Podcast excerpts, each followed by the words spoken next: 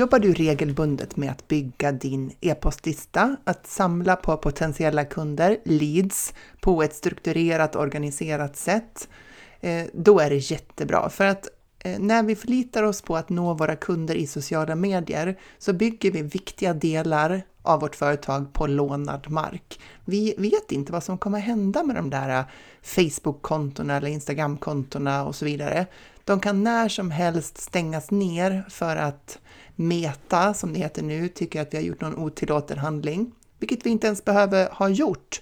Men vi blir klassade som det i deras system och de spärrar kontona på kort eller lång sikt eller kanske för alltid. Och det här tycker jag att jag hör allt oftare nu, att människor, företagare råkar ut för nedstängda konton, inaktiverade konton och så vidare. Och det kan ju leda till att eh, man behöver börja om. Man kanske har byggt ett Instagramkonto under flera, flera år och så plötsligt så eh, klassas eh, man som att man har gjort något otillåtet och så blir det nedstängt och så måste man skaffa sig ett nytt konto på Instagram och börja om att bygga upp det med följare och rätt, hitta rätt personer och allt det där. Och det är ju ett stort arbete som ligger bakom våra konton i sociala medier. Så därför blir det liksom allt mer angeläget att vi parallellt med det här bygger vår e-postlista och att vi har vår hemsida. För hemsidan och e-postlistan, det är, vår, det är vårt. Det styr vi över, det råder vi över. Så att det är eh, tryggare. Vi kan ta backuper på både hemsidan och e-postlistan. Eh, så att om det skulle hända att vi faktiskt blir nedstängda på sociala medier, då kan vi fortfarande nå våra kunder. För vi har dem på en e-postlista. Så jag vill bara eh, uppmuntra dig att börja bygga din e-postlista om du inte har gjort det. Eller fortsätta med det eh, om du redan är igång. Och tänka att när du lägger tid på att bygga din e-postlista så gör du någonting som är strategiskt viktigt för ditt företag och du fortsätter att bygga ditt företag på den mark du äger själv. Därför känns det extra eh, roligt att jag i den här veckans eh, poddavsnitt har en gäst, Kristina eh, Lörnemark, som hjälper till att bygga funnels. Eh, och en av dem handlar ju, eller de många av dem handlar ju om att just samla in leads till våra e-postlistor. Varsågod! Idag har jag med mig Kristina Lörnmark här i Soloprenörpodden och hon är funnelstrateg Varmt välkommen Kristina! Ja, tack så jättemycket! Trevligt alltså jag, att vara här. Ja, men kul att ha dig här. Jag raggade ju upp dig på Instagram. Ja. För att jag såg att du hade ett inlägg där, du har haft många inlägg och jag har läst många av dig, men det var ett som jag fastnade för specifikt och det var när du beskrev olika typer av funnels. Och då tänkte jag att det där är ju ett intressant ämne, för är det någonting som som vi företagare online slänger oss med så är det liksom säljtunnlar och funnels hit och dit och vi har automationer på olika sätt. Så det ska bli jättespännande att få höra dina tankar kring det här och fördjupa sig kring det här. Men för de som inte känner dig, berätta, vem är du, vad är det du gör och vem är det du hjälper i ditt företag? Ja, jag heter Kristina Lönnmark då. Jag har ett företag som heter Dinstra eh, och det är en förkortning av din strategi kan man säga. Så det är där namnet kommer ifrån. Eh, det jag jobbar med det är egentligen just det, att ta fram eh, strategin och då i, precis just när det gäller funnels. Ehm, de jag hjälper det är eh, coacher, konsulter, alla som behöver någon, de som säljer liksom kurser, tjänster av olika slag. Ehm, för mig är ju då en, det som är viktigt för mig det är att man liksom får med hela, man får med människan. Man kan ju man kan ju liksom ha en teknik. Eh, det finns hur mycket tekniker som helst som man kan använda. Men om man inte får den tekniken som passar just för det företaget, för den nischen, målgruppen och det man säljer, så blir det liksom inte riktigt bra. Nej. Så det är det som eh, jag brinner för, att få till den där helheten med en människa i centrum. Och då är det ju både företagaren och kunden som på något sätt ska, ska få nytta av det här. Just det. Och om liksom man inte har hört begreppet funnel tidigare, vad skulle du säga övergripande att det är för någonting? Eh, ja, i sin enklaste form så är det ju en webbsida med någon typ av automation bakom. Um, skillnaden om man tänker en funnel från en hemsida. En hemsida där, har man ju, där presenterar man ju mera sitt företag. Alltså man har jättemånga val och det, det, blir, som en, det blir som ett skyltfönster kan man säga. Mm. Eh, och det är ju jättebra, jättebra grund att ha. Eh, en funnel, där säljer man liksom bara en sak. Man gör det lätt för kunden att eh, välja. Alltså det finns egentligen bara två val i en funnel, för du säljer en sak. Och de valen kunden har, det är att lämna eller köpa. Det finns liksom inte, det går inte att, det går inte att klicka på någon meny eller backa eller så. Utan det är, det är de två valen. Eh, och det gör ju också att det konverterar bättre.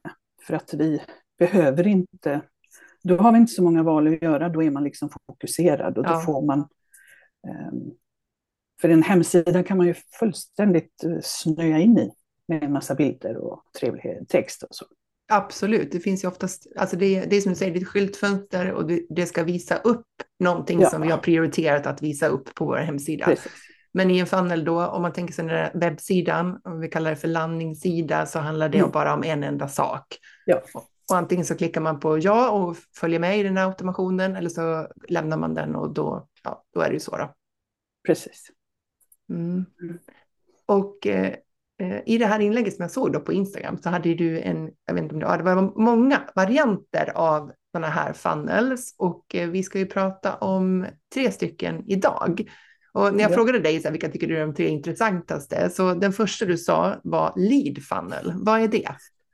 Eh, ja, det, den, den har ju jättemånga namn. Eh, man kallar den ofta för en freebie eller en lead magnet. Eh, själva fannen kallas det ju då för lead funnel, logiskt sett. Och det är ju egentligen, det är ju att man ofta ger bort någonting. Um, gratis då förstås. Uh, och jag tycker ibland att man kanske hanterar den här lite, vad ska man säga, lite slarvigt sådär. Alltså den är, den, den, den är så enkel så att den blir liksom, det är lätt att, ja men jag slänger ut något. Nu vet jag inte om många, om många gör så, men jag kan tänka mig att, att, att det kanske inte är så mycket tanke bakom ibland. Um, för den, när man lägger ut en lead magnet ska man ju egentligen börja i bakänden på sin, på sin värdesteg. Liksom. För du har ju ändå en plan i företaget. Vart ska den här, alltså det finns en kundresa och då är lead, den leadfunnen är den allra första. Och den är därmed jätteviktig eftersom det är ju där man startar relationen med kunden. Mm. Um, och sen en, en lead kan man ju också, du kan ju um, när kunden väl har optat in eh, så kan de ju få den där eh, gratissaken, men du kan ju börja sälja direkt. Det finns ingen anledning egentligen att vänta. Eh, och det beror ju helt på vilken kundgrupp du riktar in dig på, Eh, vilket värde du ger i den här lead-magneten då, eller lead-funneln. Ger du ett jättestort värde eller att, att du åtminstone att de får, att de får en, en, en tanke på att det är ett stort värde, så är det ju lättare att, att sälja. Eh, direkt efteråt. Och då behöver ju det vara ganska billigt naturligtvis, för du har ju ändå inte gjort speciellt mycket. Um, men annars kan man ju fortsätta med en välkomstsekvens och ge ganska mycket värde där och sälja i änden på den då. Eller leda dem in i något annat. Men om du säger att sälja direkt, är det att man säljer på taxsidan när man liksom har optat in då, alltså angett sin ja. e-postadress? Är det så du tänker? Ja, precis. Att man erbjuder någonting som skulle addera kunden ännu mer värde till den här gratishistorien. Och det tror jag att vi säkert många har träffat på. Jag känner igen det i alla fall från ett gäng mm. amerikanska mm. varianter. Att mm. man tar någonting gratis och sen bara, ja ah, men mm. vill jag ha det här? Och så, mm. Då kanske det kostar, vad är det brukar Ja, men jag tänker så här, under typ 500 spänn, liksom, att det är något, ja. några hundralappar. Vad, vad tänker du om, Absolut. vad är billigt i ditt sammanhang? Så som du eh, Alltså det kan ju vara allt ifrån 70 kronor till eh, någonting. Eh, fördelen med det, det är att man, liksom, man får ändå, de som köper det, de, det är ju inte bara de som vill ha någonting gratis. Alltså den där, den där, den där vad ska man säga, eh, tröskeln för att börja köpa, den, kan, den, den är ju ganska svår. Um, oavsett nästan vad man säljer. Och då kan det vara, det kan vara som ett litet... Um, och så säljer man någonting för det är bra. Då är det betydligt enklare för dem att köpa nästa gång när du säljer någonting som kostar lite mer. Just man har tagit första steget på kundresan efter ja. gratis, gratis eh, konsumtionen om man säger, att Precis. man har blivit en kund Precis. av någonting billigt. Mm. Och då är det lättare att få, få den kunden att köpa någonting dyrare lite längre fram. Ja. Så, så då kan man antingen sälja på taxsidan direkt och eh, eller så står det att det kan finnas en välkomstsekvens och då är det en automation med, med mail då, som går ut ja. efterhand. Och hur många Precis. mail ska man ha då? Vad, vad, hur kan ett sådant upplägg se ut? Eh, ska man sälja någonting så får man väl ha ändå en fem eller sju mejl innan. Man, för man måste ju ändå, eh, det är ju det här med no like and trust, att man behöver etablera en eh, kontakt med kunden. Mm. Så, och, och då säljer oftast... man ju det i slutet då. Ja. Om man har, vi säger sju mejl då, då ger man värde i dem hur många, hur många mejl ger man värde innan man kommer till ett erbjudande och gör man någon form av påminnelse eller hur brukar mm. det se ut? Ehm, man, kan, man bör ju ge värde i åtminstone i de första tre, fyra, eh, så att det är de två sista. Men då har man ju också byggt upp till det som kommer sen då, genom att prata om det där. Just det, så man, man håller sig, för du sa det där att man måste börja, man måste börja i, man måste börja bakifrån sa du. Mm. Och, och, då tänker jag att här, det man tänker sig att man ska sälja i slutet, det är liksom mm. kring det som de här äh, värdeskapande mejlen handlar om. Ja, eh, det är ju inte, det är oftast inte det högsta erbjudandet, för det kan vara det, det är för tuff resa. Liksom. Mm. Mm. Eh, utan man får ju hålla sig då, är man liksom i den första, det här som man kallar för attrahera-kuben. Eh, sen kommer ju den i mitten där, det är ju där man har någon typ av etablerat erbjudande. Och det där erbjudandet i mitten, det är ju lite grann beroende på hur dyrt är det då. Det är hela tiden priset som avgör egentligen vad du behöver sätta före. Du kanske behöver ge liksom en... Eh, du behöver kanske ha någonting emellan de där stegen för att överbrygga den där till det etablerade eh, erbjudandet. Jag vet inte om detta blir tydligt. Det etablerade erbjudandet, är det liksom det, här, det dyraste jag har att sälja? Är det det nej, nej, utan nej. det är där du, det är det liksom det som, eh, någonstans mittenläget där, mm. som ligger mellan en 3000 och uppåt. Mm. det är det man men det är Inte, men, ja. Ja, ursäkta. det, är inte det, där, det är inte det där erbjudandet som innebär eh, den här NTN-tjänsten som ju oftast är väldigt dyr. Då. Eller mycket, betydligt dyr. Mm. Och den, den är ju den svåraste att sälja, så därför behöver man någonting i mitten där också. Och det är det som den här välkomstsekvensen då ska bygga upp till att man sen blir intresserad av att köpa den mellantjänsten där. Ja. ja. Och då behövs det tre, fyra värdeskapande mejl och sen är det nog ett par mejl, par tre mejl som handlar om själva erbjudandet då. Mm. Hur brukar du jobba där med deadlines? Liksom, vad händer om man inte köper där på det sista mejlet? Liksom, försvinner erbjudandet då eller vad brukar det vara för upplägg på det? Det beror ju lite på hur man har det, om, om, man, om man lanserar någonting varje år eller vad det nu är man gör. Um, och vad det är för ett erbjudande. Är det, är det liksom en do it yourself-kurs så, så kan man ju, ja, då spelar det ingen roll vilken tid på året det är. Nej, det. Men är, är, är det någonting där det krävs att du faktiskt gör någonting själv så, så finns det ju oftast en deadline. Mm. Precis, om det, om det är, som, är det en självstudiehistoria mm. eller är det någonting ja. som involverar bokade tider? Precis. Mm. Men det är det som jag tänker är en, alltså en, en, en lead magnet. Den är verkligen liksom dörren in. Ja. Och då tar, det, då tar ju inte liksom huset slut där, utan man fortsätter in ja, i hallen. Det. det är en bra liknelse. Man, in, man har kommit in i hallen, men man vill också ja. få in dem både i köket och i vardagsrummet. Liksom. Precis. Kanske på övervåningen också. Ja, och bjuda på någonting. Liksom. Ja, ja. Vartefter. Vad skulle du säga ja. ett vanligt misstag är som vi gör då när vi gör våra lead funnels?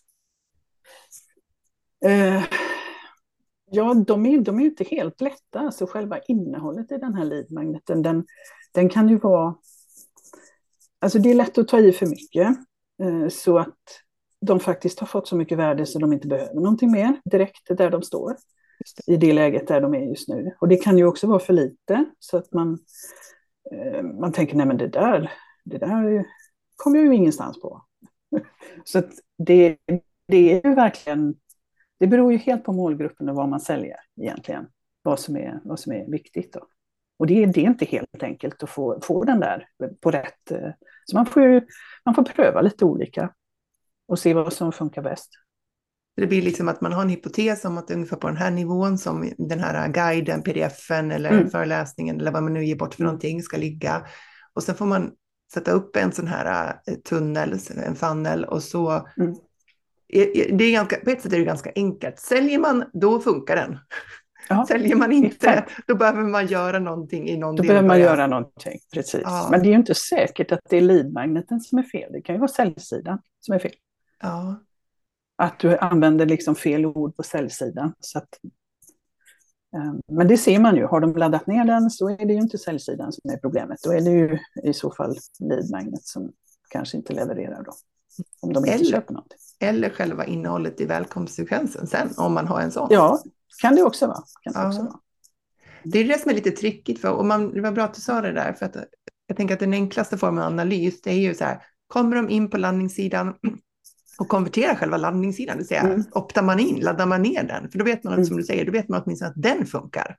Ja, precis. Och så får man ta liksom analysen vidare från, från det då. Mm. Så man inte börjar ändra allting samtidigt så kanske det var så ändrar man fel sak för att landningssidan i sig var inte problemet och så är man där och, och tucklar på den. Ja, precis. precis. det är lätt gjort. Man, man vill ju att det ska funka. Och sen behöver man också ge den lite tid. Just det. Um, alltså det behövs ju ändå ett visst antal ögon på den här för att du överhuvudtaget ska veta om den funkar eller inte. Ja, där säger jag något viktigt. Hur, hur många, tänk, vi säger att jag har haft 20 stycken som har laddat ner och ingen har köpt. Skulle du säga att det räcker med 20? Nej, det räcker inte. Så alltså hur många... Man måste ha, eh, alltså i den bästa av världar, de, de som jag följer eh, i USA, de, de säljer ju typ 1500.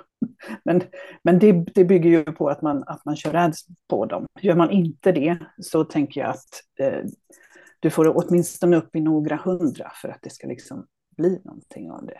Få lite statistik. Och jag tänker att det är jätteviktigt, för att jag menar, de flesta, och jag själv också, de flesta som jag möter som företagare har ju bråttom. Mm. man, ja, man, man, vill liksom se, ja, man vill se resultat på det man gör. Ja. Och då kan det ju vara jättebra att bara ha det med sig, så att innan mm. du åtminstone har kommit upp i 200 som har laddat ner mm. den här, så utgå mm. inte från att det inte fungerar. Utan Nej, liksom, se till att du marknadsför och sprider, antingen organiskt eller som du säger mm. med då, betalt. Mm. Mm. mm. Ja, bra. Bra att ha det med sig, för det är så väldigt ja, lätt att man precis. blir otålig, så tänker man, nej, jag har gjort någonting fel, jag byter något. Ja, jag tar bort den, jag, jag gör en ny. Ja, jag gör och så nya. kan man ju hålla på så. Ja. Det tar mycket ja. tid. Ja, ja, ja. Ja, det är misstaget har jag gjort många gånger. Så här, du vet, man byter strategi för snabbt. Mm. Det var lead funnel, Kristina. Mm. Sen hade du någonting som jag inte hade hört talas om tidigare, som du kallade för SLO funnel. Sa jag rätt då? Ja. ja. Vad är det och vad står det för? Ja, den står för Self-Liquidated eh, Funnel. SL, ja. SLO. Um, ehm, och det är då en, det är en funnel som den ska alltså betala sig själv, kan man säga. Den, den ska betala kostnaden för ads. Eh, för ofta så har man att man driver mycket trafik mot den då, eller mycket, man vill ha många ögon på den. Eh, många som ser den för att den ska kunna bära sig. För det, eftersom du måste och speciellt nu när man liksom, för att få fart på ads på det sättet så behöver man ju, du behöver upp till de här 1500 ögonen ungefär för att få liksom, veta att adsen funkar på rätt sätt. I alla eftersom man då lägger på ganska mycket pengar på det här. Så, um, och då, då betalar den sig ju, den ska betala adsen och um, sen om du då, då kan man ju ha en sån här upsell eller en one-time offer eller någonting efteråt. Då. Och det är det som eh, ger dig vinsten. Just det, och då, kan man ju, då kan man ju välja om man... Man kan ha olika syften. Antingen vill jag öka min e-postlista eh, snabbt. Att det är det som är mitt syfte, för jag ska lansera någonting längre fram. Och då behöver jag en stor lista. Mm. Eh, men det är klart att det här kostar ju. Det gör det hur mycket pengar måste man lägga på en sån här typ av funnel för att du, skulle, för att du ska liksom få något resultat att tala om? Ja, du bör ju åtminstone ha, eh, jag tänker att alltså det minsta man kan tänka sig är väl en 500 om dagen i alla fall, lägga på den. Och så får mm. man ju köra den ett tag. Är... För att komma upp i det här. Ja, men ju, mer, ju mer pengar man lägger in, ju fortare går det ju. Ja. Du, du, får, du får liksom statistiken. Men sen behöver ju Edsen ändå ett tag på sig att sätta sig. Så att, att, att hitta fram i algoritmerna ja, och vem de ska visas för. Men 500 spänn ja. om dagen i 10 dagar, 20 dagar, 100 dagar eller vad pratar vi om? Ja, så lång tid som det tar att komma upp i den här eh, siffran som man behöver mm. för att det ska gå ihop sig då. Så det kan ju, ja, och då beror ju på jag tänker att det kan ju bero på en mängd olika saker då. För det är så, så här, hur väl har du ställt in mm. målgruppen i din annons? Mm. Hur, hur, väl har du mm. utformat själva annonsen? Absolut. Eh, Absolut. Så den är väl ingen, ja, den är väl ingen första gångs funnel att ta sig på, tänker jag, för, eftersom det krävs ändå att man har lite, man behöver ha kunskaper på hur, hur man ska utvärdera den och vad, vad är det som funkar och vad är det som inte funkar. Just det. Men för den vill man ju att... verkligen inte hålla på att ändra Nej. för tidigt. För då, då har man eh, en landningssida där man säljer någonting mm. Billigt som förmodligen är någon form av självstudiehantering av. Alltså det är inte ja, jag involverad i någonting utan Nej. det är en leverans. Eh, och eh, att, vad skulle du säga att prisläget på det erbjudandet skulle ligga då? Någonstans mellan ja, 370, 475, ja, där någonstans. 300, vad sa du, 370? Kronor ja. ja. Absolut. Ja, så det, det är ingen dyr sak, utan det är, det är en...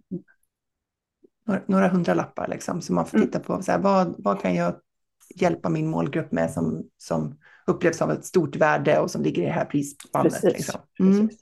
Och då ska, det, då ska det vara ett erbjudande som är, eh, det, ska ju vara riktigt bra. Det är ju det som är tanken då. Det ska lösa en sak riktigt bra. Ja. Inte liksom, inte något generellt, utan det är verkligen så att kunden får med sig och kommer, kommer ett bra kommer ett bra steg. Det får hända något i den kursen. Precis. Det är ju ibland svårt det där med att vara lite så här spjutspetsig, att lösa ja, en, bara en liten del av ett problem, mm. men att lösa faktiskt just det steget. Mm. För att ja, hitta vad av allt, om man tänker sig att man ska hjälpa kunden till ett nytt resultat så har man ju eh, Ja, det, är, det är ju bara att titta på din verksamhet. Om du ska hjälpa någon att sätta upp en funnel och så ska det vara ett sånt här erbjudande som ska, och du mm. vet att det finns jättemycket saker man måste utveckla för att få mm. väl fungerande system och strategi för mm. det här. Så då är det någon liten, någon liten del av det där som det här ja. eh, erbjudandet ska lösa då. Precis. Ja, och vem, vem tror att det här passar för då? Vilken typ av företagare kan använda en sån här eh, SLO-funnel? Eh, ja, alltså man bör, ju ha, man bör ju ha pengar i företaget förstås, eh, eftersom du måste ut med pengarna först. Eh, så det passar ju de som har en, en budget att lägga på det här då. Mm. Precis, man ska, det, det, kan vara svårt att starta med det här för att man kanske inte har liksom ja, det, det kapitalet nej. i bolaget så att man nej. känner att man vågar liksom satsa eh, 5, 10, 15 000 på annonsering. Nej, men om man, om man ändå känner att ja, men det här vill jag göra så tänker jag att man kan ju ändå göra det organiskt då. Alltså strunta i ads. Men då tar det ju betydligt längre tid. Men man kan ha samma princip menar du? Man kan, man kan ha samma princip, liksom. men då, då har man ju inte de kostnaderna. Alltså det, men, ja, du, får, du får ju inte den snabba effekten då. Alltså den, är, den är ju tänkt för det. Men, men ja. Det finns ju alla varianter på alla ja. möjliga typer av funnels. Att det, det, det är inte bara... Det, man kan göra det som passar en bäst, liksom, där man är. Eh, på den här, är det, är det så att man säljer direkt på taxidan när man har laddat ner den här? Eh, eller när man liksom... Man, um, ja, man, man, har, man kommer till ett erbjudande direkt, så ska vi uttrycka det. Ja, det gör man. Eh, sen beroende lite grann på om kostar den då lite mer än de här hundralapparna upp till 500. Om, om den liksom kostar lite mer, ja då kan du behöva ett webbinar framför för att få det att funka. Liksom. Ett automatiserat har... webbinar? Ja, precis. Mm. Det kan man ju ha. Det beror lite grann på hur, hur svårt är det för kunder att sälja.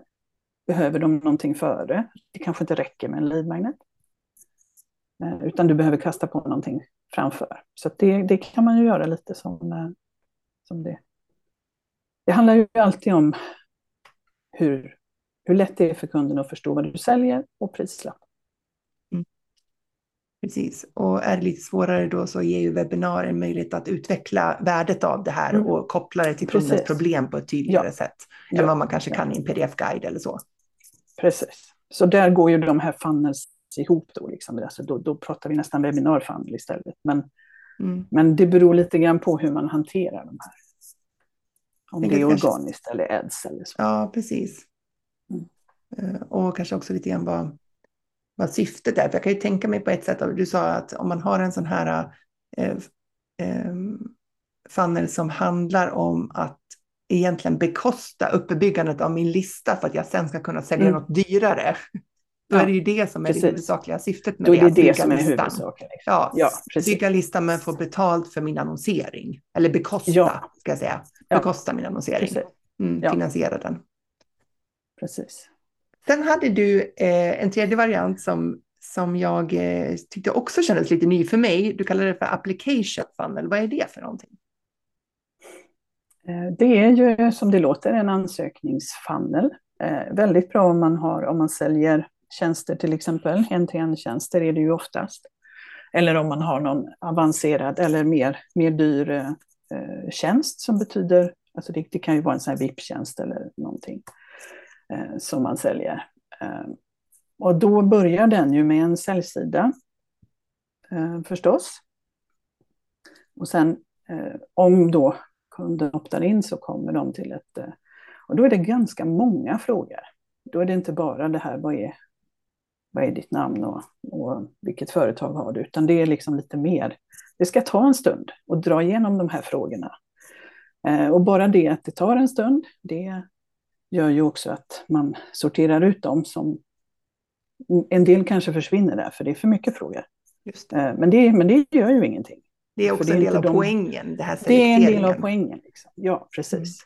Så som företagare får du ju då ganska bra information eh, om kunden. Eh, och, du kan ha, och då har man ju automationen bakom så att kunden hela tiden vet vad som händer. Eh, I alla steg liksom. Men när du säger att de optar in, är det så att så här, uh, man ser den här uh, säljsidan och mm. då är det inte så att man först anger sin e-postadress och sen får man formuläret, utan det är hela formuläret innan man kan trycka på opt-in. Man har ofta en första, en litet formulär för e-post och namn. Och ja, man har det först. Man ska ja. kunna åter, återkoppla ifall de då förstår jag. Ja. Om, man, om, man, om man vill det. Mm. Det beror ju på vad man säljer efter, om man vill det eller inte. Mm. Mm. Och sen får man typ ett mail då med eh, en, eh, eller det kanske ligger på taxidan också, eh, själva formuläret som man ska då fylla i. Det, bruk, det brukar vara som en sån här pop-up som flyger upp när man trycker på en knapp. Ja. Den och, kan ju ligga på en egen sida, det går ju också bra. Ja. Men vad händer därefter då? Då har jag, då har jag fått in ganska mycket information om den här kunden. Mm. Vad, är, vad är nästa steg där sen då? Eh, ja, det beror, ju det beror lite grann på vilken plattform man har. Den plattformen jag använder, där finns det ju sådana här pipelines. Eh, så att ansökan kommer, det, det är som en kanban-tavla kan man säga. Eh, så man, ansökan kommer in, det blir min uppgift. Och så flyttar jag den ett steg och då går andra automationer igång. Antingen om jag, har accept, om, om jag tycker att ja, men det här är en bra kund för mig, då går det ut en typ av svarsbrev eh, och en typ av sekvens som rullar igång. Är det så att jag tycker att nej men det här, den här kunden kan inte jag hjälpa just där hen är nu, utan det behövs kanske något mer, eller jag kan kanske erbjuda något annat och lägger den i nästa och då går den automationen igång. Mm. Ehm, så det, liksom, det händer ju saker i bakgrunden som inte jag behöver göra speciellt mycket av. Då. För i det där systemet, vi ska prata mer om systemet sen, men i det där systemet då bestämmer du kriterier. Liksom, så att så här, ja. Uppfyller kunden den här kriterier, då är det de här sakerna som händer. Uppfyller de de här, då är det annat. Ja. Och då kan det, det vara så. Ett, eh, det är ju som ett workflow till varje spår i pipelinen kan man säga. Mm. Enkelt uttryckt. Och då kan det vara så att den här själva application, den här ansökan, den gällde, vi säger att den gällde mitt dyraste program jag säljer mm. och så inser jag utifrån kundens svar att de inte är rätt matchning för den tjänsten. Mm.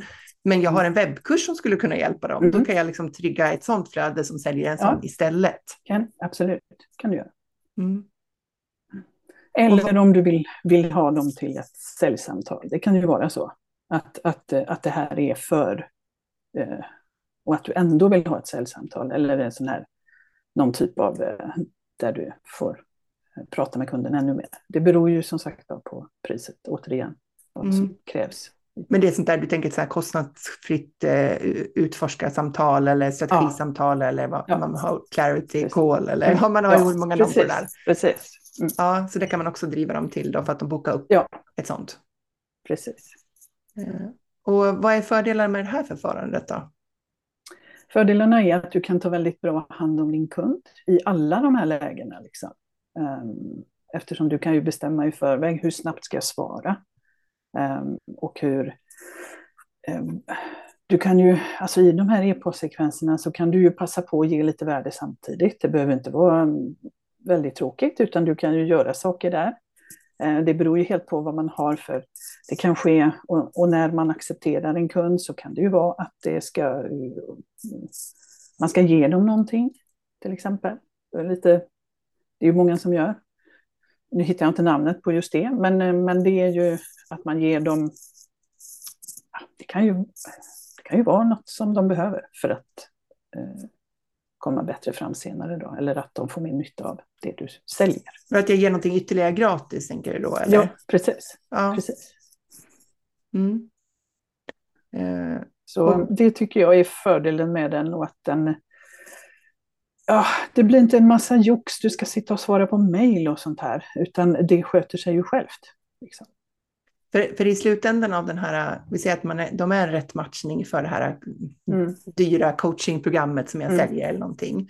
Då, då är det helt enkelt en faktura som kommer där, en betalning liksom. Och sen, sen går man ja. in i någon form av onboarding som ny kund. Ja, precis. Exakt, och då har du ju, den onboardingen är ju färdig den också. Så, att, eh, så det blir ju betydligt, eh, det tar Eh, jag till exempel har ju, jag jobbar ju samtidigt som jag har ett företag, så att alla sådana här automationer, de är ju guld. Liksom. För annars kan det bli att, att jag kanske eh, inte svarar i, i, i någon eh, bra tid, för att jag hinner inte, eller det, jag har inte möjlighet just den dagen eller så, men då händer det alltid någonting i bakgrunden. Liksom. Mm. Och jag tänker att alltså, det är ju väldigt lätt eh, att man tappar bort någon mejlkonversation. Det har hänt mm. mig och det känns ju förfärligt mm. tycker jag när jag inser att jag har glömt att ja. återkoppla på någonting. Och, och, och, det, jag vill ju ändå återkoppla även om det är så här, nej, jag kan inte hjälpa till just nu. Liksom, om det, även om det skulle vara det Precis. så vill jag ju säga det. Jag vill ju inte vara ja. den där företagen som bara inte hör av sig. Nej, och det, vill det man händer inte. ju mig ibland att det blir så. Mm. Det känns ju inte kul när jag kommer på det. Att så här, jag måste återkoppla till den här liksom, förfrågan som mm. jag fick. Mm. Så att automationer är ju bra för, för alla, tänker jag. För att ja, jag många har mycket det. att göra alla. oavsett vad man har för ja. verksamhet. Eller, eller annars har man mycket i huvudet. ja, och, och sen eh, man kanske inte heller... Alltså alla vill väl... Det är ju inte alla som vill jobba eh, hela tiden. Alltså, tanken med ett företag är ju också att man ska kunna styra sin tid mm. lite grann. Eh, och då behöver man de här automationerna som rör sig även när jag sover. Eller, ja, fantastiskt. Eh, men då måste vi prata lite grann om vilken teknisk lösning du använder för att liksom göra det här möjligt. Ja, jag använder en plattform som heter Funnel Gordius Funnel. Heter den, Gordius Funnel. Eh, och den är framtagen av två tjejer. Den ena heter Julie Chanel och den andra är Katty Olsson. Och anledningen till att jag använder den, det är ju att jag har, jag har följt dem under många år, jag är med i deras nätverk. Um, och eh, de, allting, de är rukt, riktigt duktiga marketer förstås, uh, men de gör det med uh, hjärta, så att säga. De, uh, inte den här, inte marketing som kör över folk och det flyger upp den ena eh, upsellen efter den andra som man håller på att tappa förståndet. Utan, ja. eh, utan det är verkligen liksom marketing with heart, som mm. de säger. Mm. Eh, och det hänger med liksom in i plattformen, det hänger med i alla mallar, det hänger med i allting de gör eh, i praktiken. Mm. Och sen är det ju själva plattformen då som jag tycker är väldigt bra, som, eh, där jag har allting.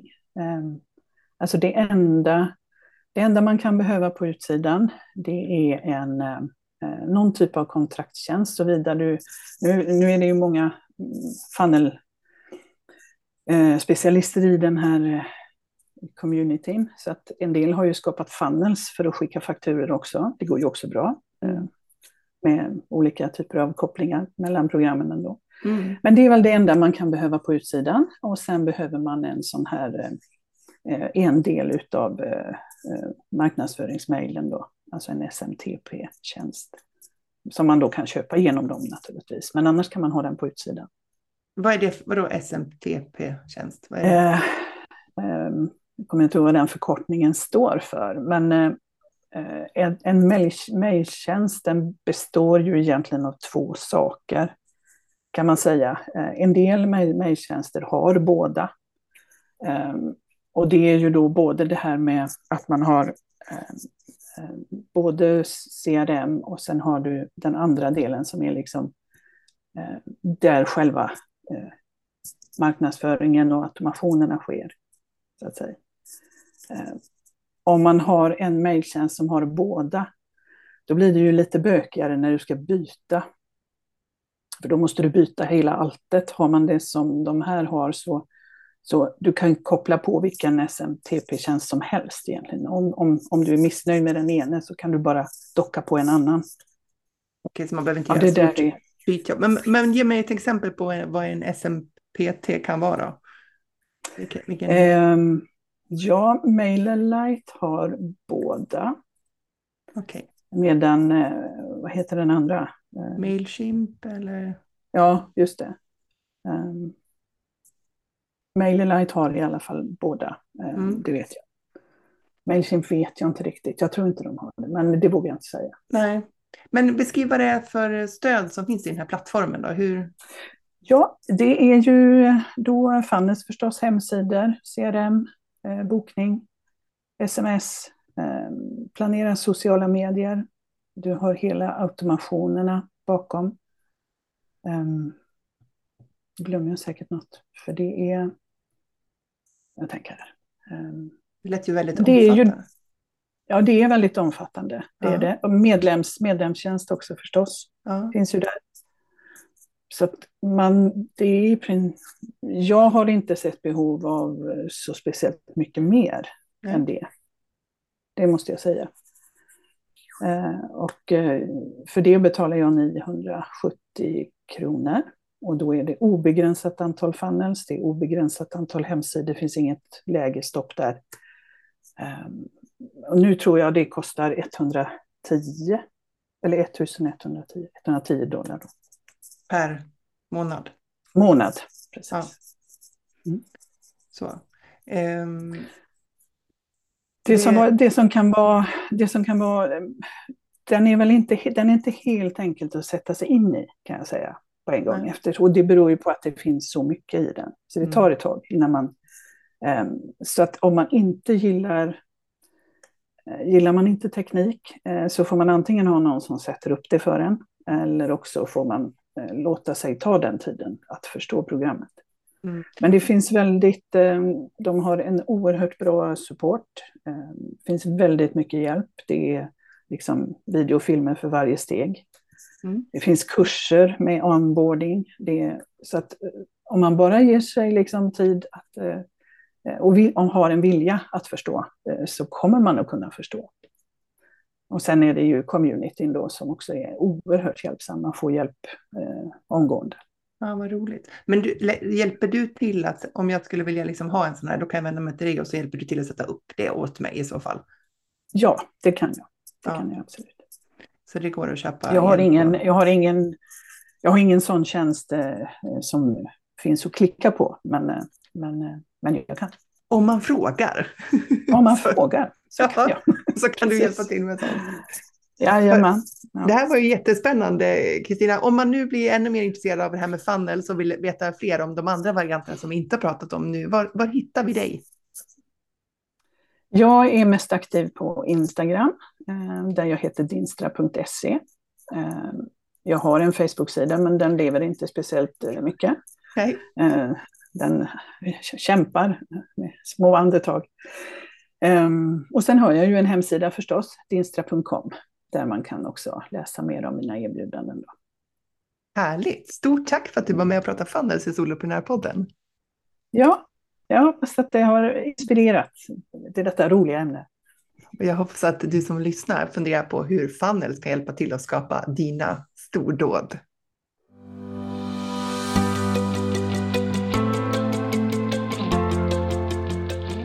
Stort tack för att du lyssnar på Soloprenörpodden. Jag är så glad att ha dig här. Du får jättegärna lämna mig en review på iTunes och ratea podden. Ge den fem stjärnor om du tycker att den är värd det, så hjälper du mig att sprida den till fler. Eller varför inte ta en skärmdump på det här avsnittet och tagga mig på en story på Instagram, solopreneur.nu.